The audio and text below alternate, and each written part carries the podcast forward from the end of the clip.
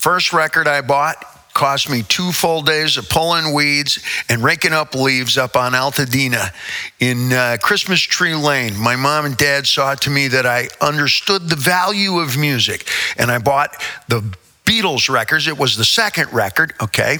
Uh, I was a little bit late in terms of just being in grade school, whatever. I was in fourth grade, Mrs. Pitt's class. I was 11 years old, and this is the record. This is not like the record, this is the record. Careful what you teach your kids. A lot of us learn the value of nothing and the price of everything. This cost two days of pulling weeds and drinking iced tea from a thermos.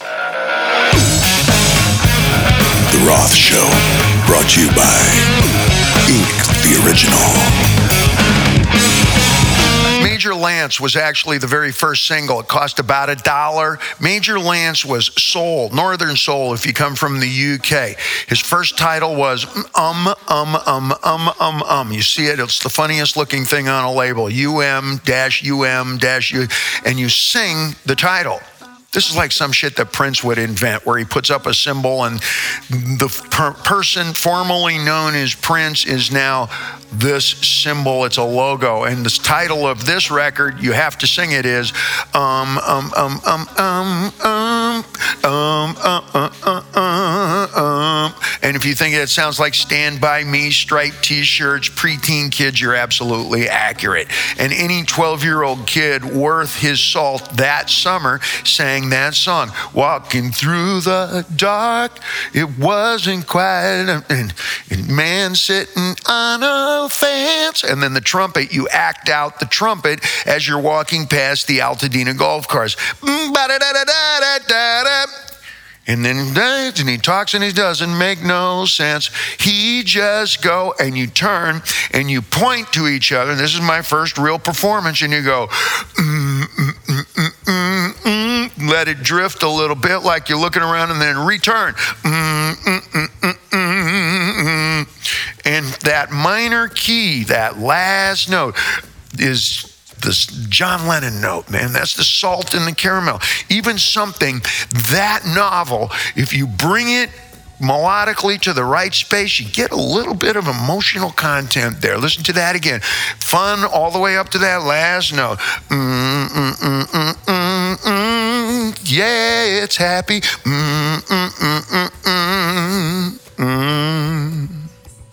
And that's in every kind of music I've ever done. Second Beatles record, five of those songs are cover tunes, and most of them come from Motown or downtown. Money. That's Motown, baby. Mr. Postman, wait, wait a minute. Yeah, that's R&B, man, and that's the United States is in their DNA. Learning to do cover tunes and become an interpretive musician in the rock and roll style, you bet. And I decided I was going to become one of the Beatles when I requisitioned one of my dad's older uh, used up sport coats and cut the collar off. And the Beatles had no collars. That was a Beatles suit. Couldn't afford Beatle boots. We started our own version version of the Beatles, of course, like a lot of kids on an old broken Stella guitar with a piece of string. I was always John Lennon. The Lewis brothers played variously other parts. And we rehearsed regularly, and I gained I knew every single tune on the Beatles records. I knew all the John Lennon parts and I knew all of the lead guitar parts because nobody wanted to play George. George was too quiet and George played like lead guitar, which curiously enough, at that point in time, that wasn't as good as being one of the singers. So my official start wasn't really even then. It was significantly farther back when my father handed me a whole stack of 78 RPM Al Jolson records on lacquer brittle records. That's what the white gloves come from. Nicholas Brothers flying down to Argentina, Jitterbug and Lindy hopping, and Day at the Races or Hell's a Poppin'. Even the term Hell's a Poppin' looks great in print. Hell's a poppin'. First time I saw that, I had to requisition a print, a silver nitrate acetate, something or other from a film professor at UCLA. And he said, okay, but only a film operator from his tutelage, his apprentice could come down. And we rented a big mouse ear projector in the back of a Hofbrauhaus in a little meeting place where they have union hall meetings kind of thing. We had about 20 of my friends. This is back in the middle 80s. The only time you might see this would be Channel 13 at 6 o'clock on a Saturday morning, and you'd watch the dance scene go by one time, trying to memorize everything you could, keeping in mind that folks my parents' age and before before could only see folks doing their routines at the cinema. And you would see there, you would learn the movie word for word so that you could drift, you could make out, you could have something to eat, but you knew in advance, okay, here comes the scene, hold on one second. And then try to memorize it as it went by. Sort of like if somebody said to you, okay, I'm going to say the Pledge of Allegiance as fast as I can, and I want you to memorize as much of it as you possibly can. Ready? Pledge allegiance to the flag of the United States of America. it's like taking a math test 12 plus 3, 9 plus 12, 12 plus 18 equals. There are folks like Bill Gates who can do that. There are drummers who can read that cold read and go, okay, I can take it up to the end of the phrase. And yeah, they can actually do that. So today, my only real regret is growing up without the internet. I grew up with the words, look it up instead of just getting to the smartphone and going, oh, that's who it was. Oh, that's what song it is. Oh, no, I actually had to get up and go look it up from the Encyclopedia Britannica, which curiously enough was the one thing that I had in common with uh, the fellow who gave me this Japanese tattoo, Horiyoshi III, in his 70s. He says, I've been working since 1973. He said, Me too. We were off to a great start. Wild guitars. Damaged lives on the road to ruin. And this road leads to Vegas, baby! It's gonna be a party, and it's your turn, darling. It couldn't have happened, but it did. Me. David Lee Roth. Double Trouble Guitars. Diamond Dave, the boss of Big Town, and I'm bringing the big sound in the big town the way it sounds on the record. High def 4K for your boot. Brains burning, butts twerking. Every classic Van Halen tune, and we're putting the boom in the room. Only thing missing now is you. January, spring break 2020. Yo! Vegas, baby! Rock and roll was exactly the same thing. You had to wait for the midnight special or a TV show on Channel 4 that would go away so quickly you would try to memorize everything the individual was wearing, everything that they played, what kind of equipment that was. There was no playback, there was no TiVo, there was no download, there was nothing. You had to pace yourself in front of it. It would start if you were physically inclined with Soul Train and twice a day on Saturday, and et cetera, et cetera, depending on your time zone, you would position yourself right in front of that channel, right in front of that show, and try to memorize everything. Some folks would memorize everything from the haircut all the way down to the shoes. Others, like myself, would try to remember the moves, you know, and I would go even further and try to memorize the way Don Cornelius would really talk in, uh, hey, from soul to soul, nation to nation. Uh, I started sounding like that when I was 12 years old, at least in my imagination. And I had the same haircut as Don Cornelius, too, in my imagination. Parallel to this, my pop was in school. He had yet to become a resident as a doctor. So we went to free everything. We went to matinees, we went to rehearsals, we went to dress rehearsals, we went to pre dress rehearsals, student dress rehearsals, whatever it might be. A lot of afternoon kind of activities in the arts and the letters and the cultures. And we saw everything. We saw everything that was orchestral, panoramic, uh, philharmonic. We saw everything that was Broadway, my sisters and I, uh, along the way. And in its development, developmental stages when frequently they would stop and confer with what looked like architects' designs or the mapping or the libretto or the lyrics or the script. It was infinite and confer, then clear the set, set the stage. So that became as of as much interest to myself as the actual presentation. I would see behind the camera, they would go, okay, ladies and gentlemen, we're filming this scene. Okay, ladies and gentlemen, this is Leonard Bernstein's child series. We're going to do Peter and the Wolfie, but we're going to stop and start so that we can change that. And it would go on. And I became familiar with that as well. So when you say Peter Pan, yes, I know the storybook. Got it read to me by a variety of adults early on. Later on, read the actual story myself. And then from there, saw all the various productions going all the way back to, I don't know, Mary Martin was probably the very first one, early 60s, dangling from a manila rope this is in a Broadway theater with fellas I saw behind the scenes during the rehearsals. Big fucking 300 pound union guys, meat and potatoes union guys with a literally with a cigar stub and a, and a uh, newsboy cap. Oh, and she, oh, and she fucking and go from one mantle to the other and oh, and she go across like you know I'm making funny. She was actually very graceful, and yes, my sister went and I home and I took out a Manila rope that Uncle Saul had left in the basement, and we threw it up over a beam, and I promptly almost killed myself several times in a row. But yeah, I know Peter Pan. Beach Boys pop music, the association when it's windy and it's the sounds of silence. This this was all popular radio, really familiar singable pop radio but right up the street by the time I moved into Los Angeles as a very young preteen kid was the Hate Ashbury. They didn't even spell hate usual like. They spelled it hippie like. Haight Ashbury. And that's when the folks on stage stopped wearing neckties and the same haircuts and the same suits. If you think about it, all the rock bands, the Who, the Stones, the Van Halens, the Beatles, we all look like we went shopping at the exact same Rockstar store. Inexplicably, there is a Rockstar store somewhere where we all went shopping. And now that we can dial it back, is, does that look correctly? That's going louder. Is this dialing it back? I don't know. I can't think backwards like that. Some guys can shoot like that with the mirror, not me. If you dial it back, the Grateful Dead all look like they shopped at the same vintage store, too.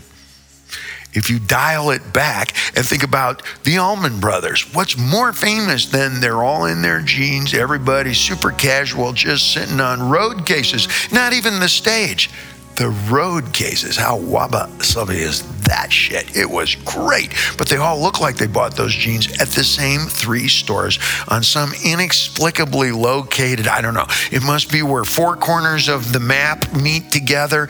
And that's part of Peachtree Avenue or wherever the fuck it was, supposedly in my imagination, where four corners of the map meet. And that little part of the street is right in the middle where there is no paper. That's usually where my hotel is, too. It's familiar, never wearying. The idea of living and breathing your music beyond two and three days a week after school at your parents' house.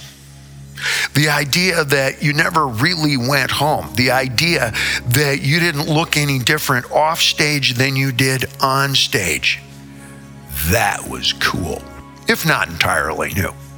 That comes from the left bank in Paris at the turn of the century and significantly before then, but just for laughs. We all know the idea of the left bank, even if you can't point to it on a map. It's the same thing with Indiana. We all know about it. Point to it. See? Stay focused. David Lee Roth. On a hellbound train. Mr. Motion. Coast to coast. Ocean to ocean. Let's do this the old fashioned way. Big time double guitar. That stuff sounds like a record. That's right just like the record. Diamond Dave. We know each other. Vegas, baby! You and me till the wheels fall off. January and spring break. Let's kick this one off right. Right between the weekends. Tap the screen. Tap Get your tickets. Screen. Knock, knock. Who's there? You are. And I'm Diamond Dave. Inviting you. You. You. And you. Go ahead. Say it first. Vegas, baby! hippie movement in the mid 60s was well informed with a lot of university educated individuals who brought a reverence for history, vintage, retro, all that had come before, ancestral, religious, medical, musical, terms of theatrical, stagecraft, tonsorial, sartorial, all the olds. and so you got really, really high arcs of value in terms of is that good music? Is that a good costume? I don't know. Take a look at Janis Joplin. She gets an A plus, usually from the critics, and my inner monkey's a big critic. Woo, woo, woo. Yeah, that's a killer. You know instantly what Pearl, which is what she called herself, what Janis Joplin looks like.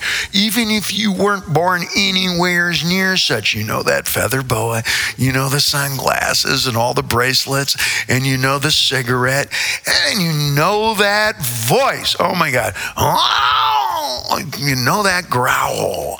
And that may have started from ancestral values like Big Mama Thornton, and she pays her respects to that. Listen to Janis Joplin on Cheap Thrills singing Ball and Chain. That's Big Mama Thornton. And in the true Japanese sore style or Budo or any number of the martial styles, she wasn't even looking to become a unique, singularized vision, which seemed to be an epicentric sort of philosophy for the hippies.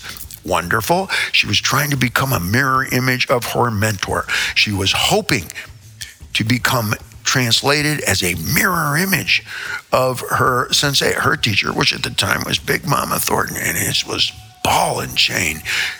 We didn't know it, but there was a parallel arc. It was a blues explosion. Yes, of course, we were aware of that.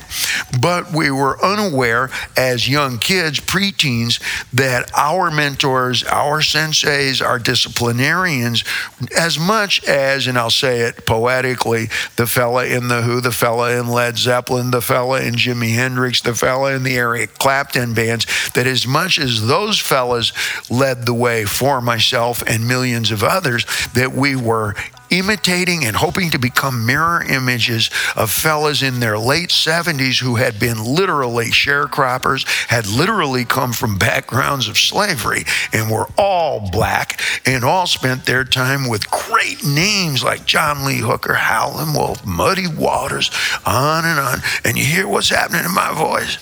Wow! I spent a lot more time doing that than telling you how I couldn't get no satisfaction, which I just said in a very black fashion, and now it makes some kind of sense. Mm-hmm, and that's just the way of things. Half a dozen Motown songs make the Beatles' launching foundation. That was not unobserved. I was living in a black and Spanish neighborhood. Woo! Starting in fourth grade, I had never grown up near black kids or anybody speaking Spanish or smelled that kind of food. One second. Yeah! I couldn't get a fucking enough of that Motown. Are you kidding me? Listen to the grapevine. Arguably the B side of Major Lance's song, um, um, um, um, um, um. Do I have to say the whole title? By law, I think I do. I believe so. The B side and singles, the dollar singles that you bought up at the thrifty drugstore, always had a B side, A side, B side um, um, um, um, um, um, had arguably a better song on the other side. It was a little hard to dance to. Um, um, um, um, um, um. You were a little tired by the third time you even sang the title. But the other side was Monkey Time. There's a place where the people go. I don't know how it started. And you would do all the different parts, leaning in and going, There's a place where the people go. I don't know how it started. And you would put your face as close to your buddy as you could and get into his space like this, especially when you were supposed to be driving. Singing out of tune gets you extra points. Singing out of tune, if you're my girlfriend and you're having a great time, makes you sexy. Singing out of tune together after you smoked a little pot was a pivotal social recreational moment for an entire decade. David Lee Roth. On a hellbound train. Vegas, baby! Noisy little town on a Saturday night. And every other night of the week, too. Every night is opening night. It's a Vegas thing. Diamond Dave. Sin City. Moby Dick in a goldfish bowl. Makes perfect sense. in Vegas, baby! Big moment of transition for most stage performers is when you stand up having learned an instrument. For me, it was on a rented saxophone starting when I was in third grade. You tap with your toe because you're sitting in a chair and working with printed music. Once you decide that you're going to be on stage, even if you're playing a wind instrument like a saxophone, you're probably going to stand up and you learn that you tap with your heel and a whole new world opens up. Watch, you can't even see it. I'm going to tap with my foot. Looks a little bit hillbilly. Now, watch what happens when I tap with my heel like this. See that? But you got to do this with your mouth. Like you're going, fucking yeah, come get some of this. Now that's just me talking, my imagination. But now I'm walking around inside your imagination. And you can't kick me out because I'm gonna make myself at home. I'm gonna lounge around in your Riviera lounge. You got anything in the fridge? I'm gonna check your porno collect. Whoa, you're way more interesting than I thought. Let's keep dancing. I can see your conscience from this little porthole in your imagination. You guys ever talk? No. Nice. Let's keep dancing. Mind if I take my pants off? I got boxers on. So, uh, anybody else here in your imagination? Is that your girlfriend? David Lee Roth. Las Vegas After Dark. Rock and Roll Confidential. Double guitar. And it sounds like the record. House of Blues. Make yourself at home. Residence. Moving in. Vegas, baby! Circumstantial evidence. Diminished capacity. 96.3 KKLZ. I'm Diamond Dave. Sound like a weekend to me. First concert that I went to, but I actually didn't get to see because I didn't have the price of admission, was Janis Joplin. Iron Butterfly was opening for them. I'm sorry, it was 1968. I had sneak out the window of my parents' house, join up with half a dozen other kids, get into somebody's bomb, one of these cars we had to push, okay, and go down to the Pasadena Civic. In the back of the Civic was the Expo Hall, a big giant chandelier from the 1920s, and uh, stage set up. I think the sound system was Tycobrahe, and uh, I could hear it through the door. There was a lot of music coming through windows and doors at that point in my life. First time I heard Led Zeppelin was through a window. I was a tack cleaning and uh, exercise kid at the local stable. I wasn't allowed to hang out where the pretty expensive girls and the horse trainers were, okay? But uh, through that window, I could hear what was the very first Zeppelin record as well. That was the very beginning of life, and this is what's in the DNA of everything that I'm bringing to you when we show up at the first of the year. And this is what I tell the fellows in the band, new guys.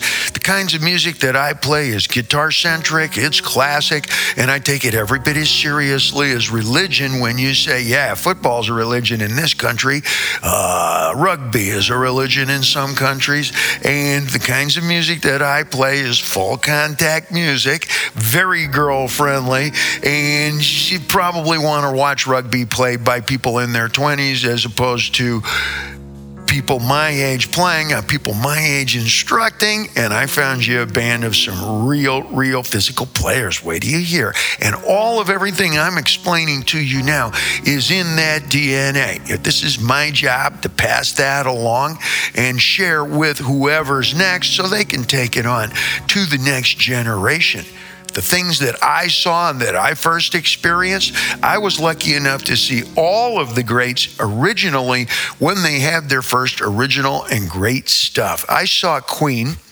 God bless Adam Lambert. You've done amazing things there. There's a great constant singer. I was lucky enough to see Freddie when Bohemian Rhapsody first showed up on the radio. Six minutes of anything on the radio? Amazing.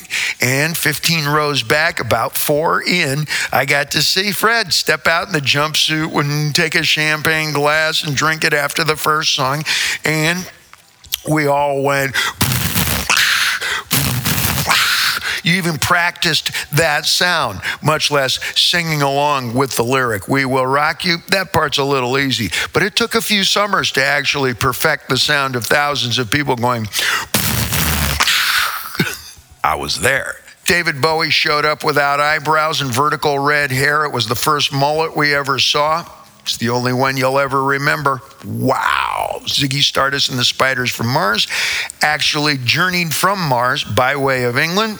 They all look like they shopped at the same shop. Remember my theory?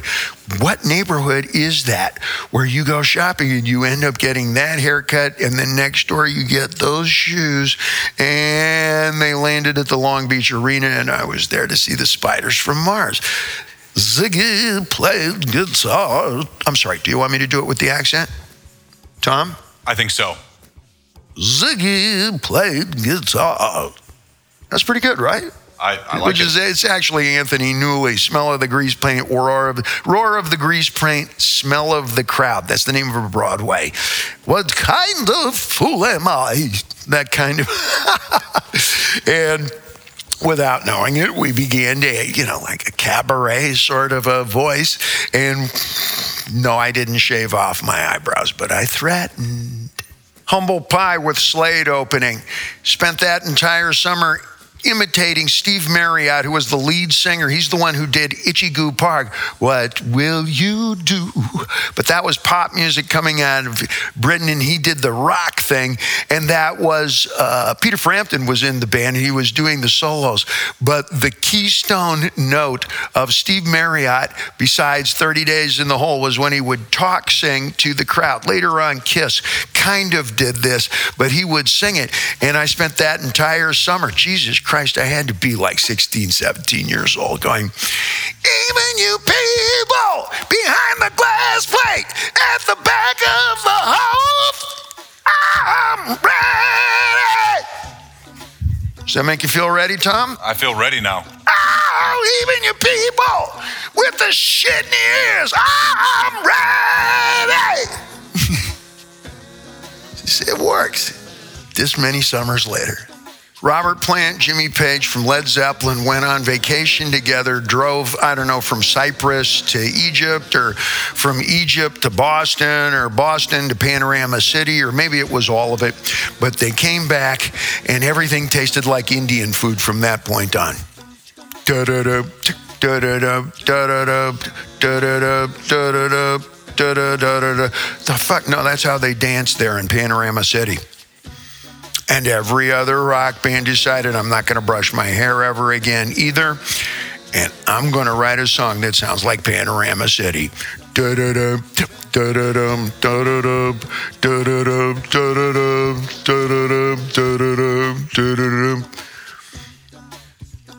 No, when it's Zeppelin, there is no orale. He's from Panorama City's girlfriend. Orale. Zeppelin is he. Saw that show in the exact same seat at the LA Forum.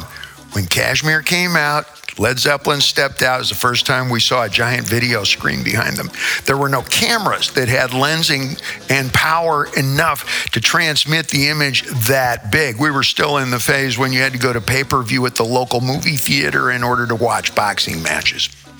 Watching Led Zeppelin in front of were star patterns when Kashmir went on, and it was Stairway to Heaven, and I was there. David Lee Roth. 97.1. The point. When was the last time you did something for the first time? First times every night in Vegas, baby! Out into the territory and up to our back wheels. House of Blues. Moving in. Residents. Stomping ground. Philosophically speaking, what are y'all doing that night? What about all weekend? Besides, it's Vegas, baby! Perhaps my biggest regret that I didn't have the internet and that I had to actually go to the books and go see the shows is actually to my best benefit.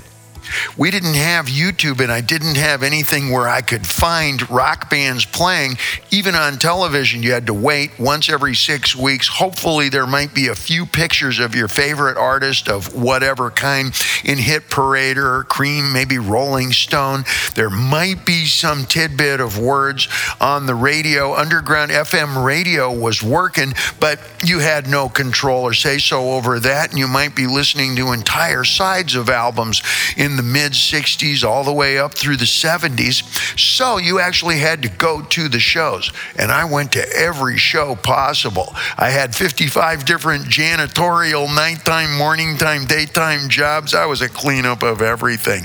I made sure that I could afford the price of a given ticket, like I showed you, where I made sure that when I started my vinyl record collection, that I had gainful employment. It was all very result oriented. It wasn't like work is the core bullshit. Work was the core of a great record collection and some really interesting shoes. Al Van Halen and I went to the forum, sat at the 50 yard line, way up where the peanuts make your noses bleed, if you know what I mean. The, the peanut gallery, the balcon de cacahuete, or whatever it's, that's actually literally the peanut gallery, way up in the top, which is where I saw all of these acts. It was Aerosmith when Toys in the Attic was was uh, on the left hand side of the Billboard chart for the very first time. And we went home the entire way going, out of respect. And uh, I can't wait to go see them in Vegas. They have that surround sound. There is some kind of a sound company, Tom,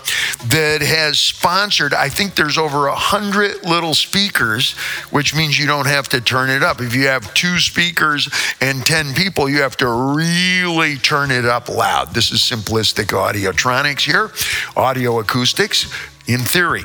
If you have 10 people and 20 speakers surrounding them, they're surrounded, so you don't have to broadcast as loud. We used to call it Sensurround.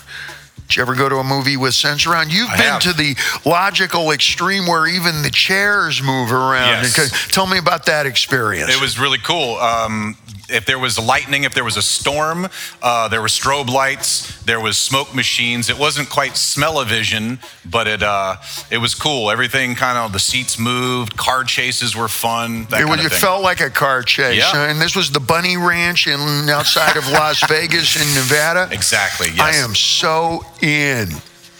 Our set is Jet right here on the Roth Show. Tom say, woo, woo.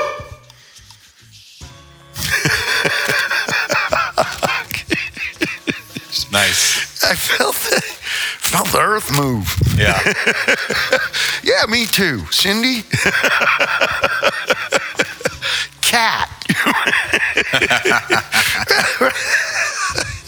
Jewish kid named Cat, right? Yeah, she's a great girl. I think she's Jewish. African Jewish.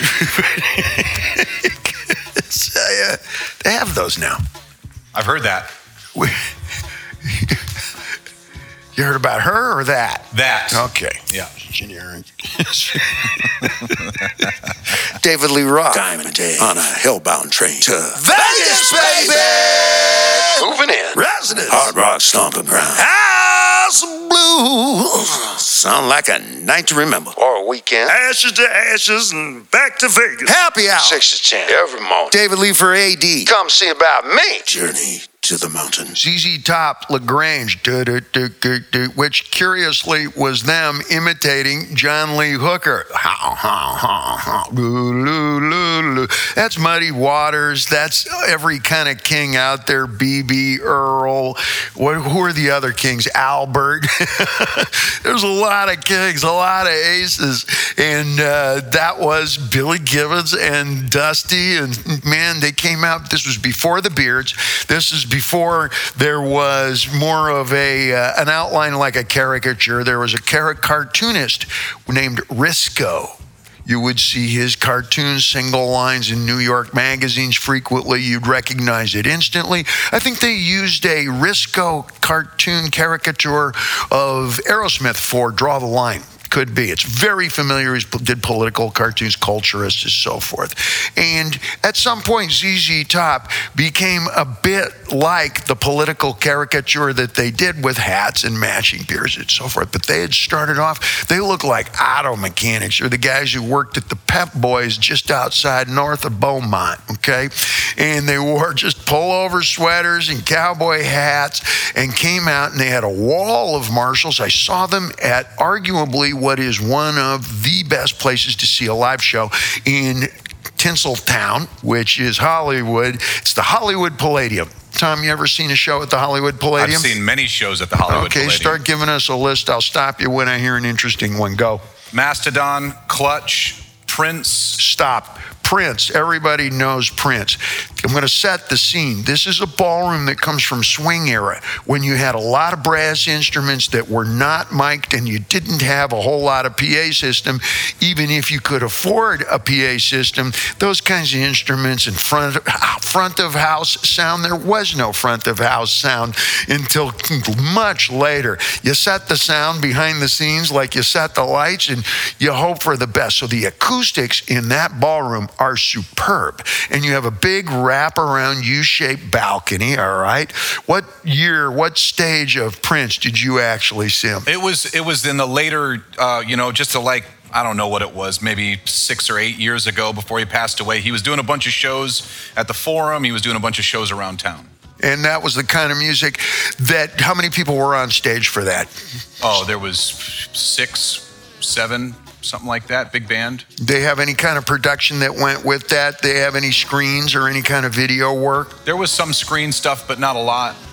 But the music really, really carried it, yeah? Absolutely. That was the core. Yeah. When you tap into that, man, you got a tree, doesn't require a whole lot of tinsel. That's sort of like ribeye porterhouse grilled perfectly.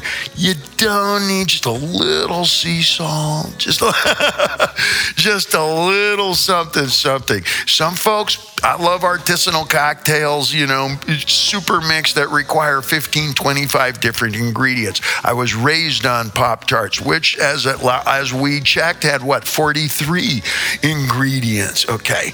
But music at its core, yes, you can go ahead and follow through to a 110 piece orchestra, but you're really only talking about 15 different instruments.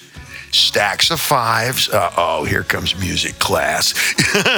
but small band is three saxes, big band's five, big band moves to seven if you have two baritones. Okay, I'm lying. That's not what you do, it's what I would do. But it's what happens when you get a hold of the asylum and a big band can play in it.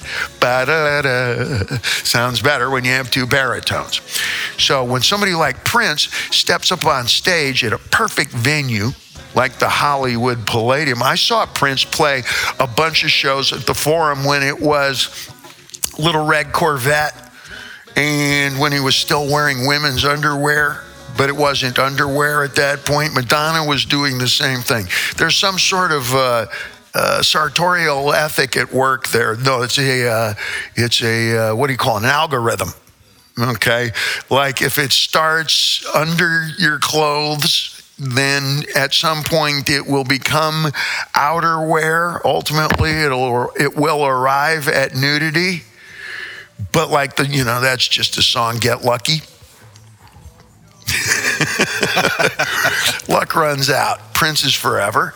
And uh, so is good underwear. I'm sure the fellas who run Victoria's Secret will tell you it's no secret any longer, Tom. You know what's under this? It's not really underwear by law because of my job description, which is on my passport, household word.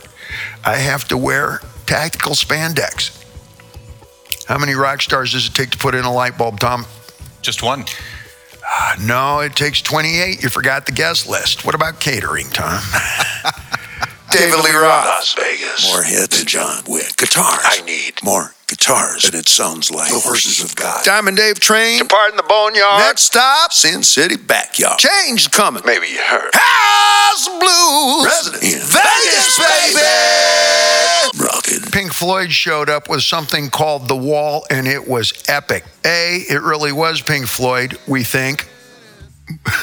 this was a source of controversy. Are you familiar with this? I'm not. Well, it was the first time that we'd ever seen an epic production that required pre prepared music, okay? Prefab, prepared, whatever you want to call it, it was pre taped in those days. There's no way that you can perform the wall without 17 people on that stage, which at that time was economically forbidding. You're talking about the mid 70s. Who even knew about something like building a wall, which they did at the sports arena, and I was there. They even put speakers underneath, which is dance floor de rigueur. That's regular par for the course today, but nobody had ever had Sensurround in an actual concert where when the wall fell over, you felt your butt vibrate. Whoa. Today we expect our butts to vibrate from the first song, motherfucker. Yeah! But that's because we improved the sound systems. Back then, at the 50 yard line, remember where Dave sat? it was unique. And you sat there with your soda pop and your popcorn and trying to hide hide your roach clip and Pink Floyd set up a real wall. They built it brick by brick. In front of the band, there was a lot of controversy. Was the band actually the band, and were they actually all playing all the time? Well, of course not. Now, the most important thing I ever learned in music came from Professor Fisher in our first day of theory and orchestration. If it sounds good, it is good. And I'm going to extend that to if it looks good, it is good. If it tastes good, it is good. And you can utilize this for a number of things. Later on, our constructionist theory, our deconstructivist theorems, our ideals in how it was prepared is the medium, the actual message. Believe me, I'm more than willing to argue with you over any of that or just crumple and agree for the sake of theatrical benefit. But if it sounds good, it is good. And if it looks good, it is good. And this is the first time we'd ever seen anything like this. So I assessed instantly, of course, coming from musical theory, who cares? That's the original musical theory. Who cares? Wabi Sabi extends to that. Do you prefer rustic compared to Formica? Do you compare knees and elbows to rigid marching band like? Well, most people will share with you the aforementioned without even requiring a description of what, what does aforementioned mean and who decided to spell it that way. We did. You're on The Roth Show. Small club action included Taj Mahal, The Persuasions, Johnny Otis, and I say it with respect, his three girl backup band, The Three Tons of Fun. You would never invent something like that in the Me Too movement, especially since the original name of that movement was Me Too, but not you, Dave, not you too. I was the one who said Facebook. No, the. Opened for the original, the original drummer, original bass player, original everybody, Black Sabbath, for 22 cities in England, UK alone and then followed up easily with another 50 shows. That's the original Black Sabbath. They were at the peak of their powers. I was at the very beginning of my recording career, probably 75, some around different shows. With the original Black Sabbath, I watched every single one of those shows. It's in my DNA. 75 shows with Ozzy Osbourne. Felt like 800. Opened for Santana, Doobie Brothers, Boston, Rolling Stones, several times with the Rolling Stones. Ba-da-da, start me up. But that was not the very first time that I opened up. What was the very first Rolling Stones song that you're familiar with, Tom? Is there something there that you say, well, here's my first experience? Because you're coming from a different generational background. What's your first Rolling Stones experience? I, I would think. I mean, "Start Me Up" is something. It was I, the classic rock radio was always on. Start Me Up yeah. is where you started because that's 80s. I opened for the Stones yeah. outdoors in Florida during that tour. Okay, but the first time that I opened for the Stones, it was mm. name that tune. Uh, Exactly. Miss you. Miss you. I got it. uh, oh, was the Clarion call. That was our mantra for the morning after on that tour. Uh, I think it's Boston. Las Vegas looms large on the horizon. You're invited, and it's no good without you. The first question that anybody asks me is, What can we expect? What is this band made of? What kind of music are we really dealing with? What are the values? What are the priorities? What is it that we're paying for? Everything I told you Everything that I led up to right at this moment, every single one of those acts, those values, those priorities, those visions, those singers, those guitarists, those values acoustically, theatrically, it's just like that. The Roth Show, brought to you by Ink the Original.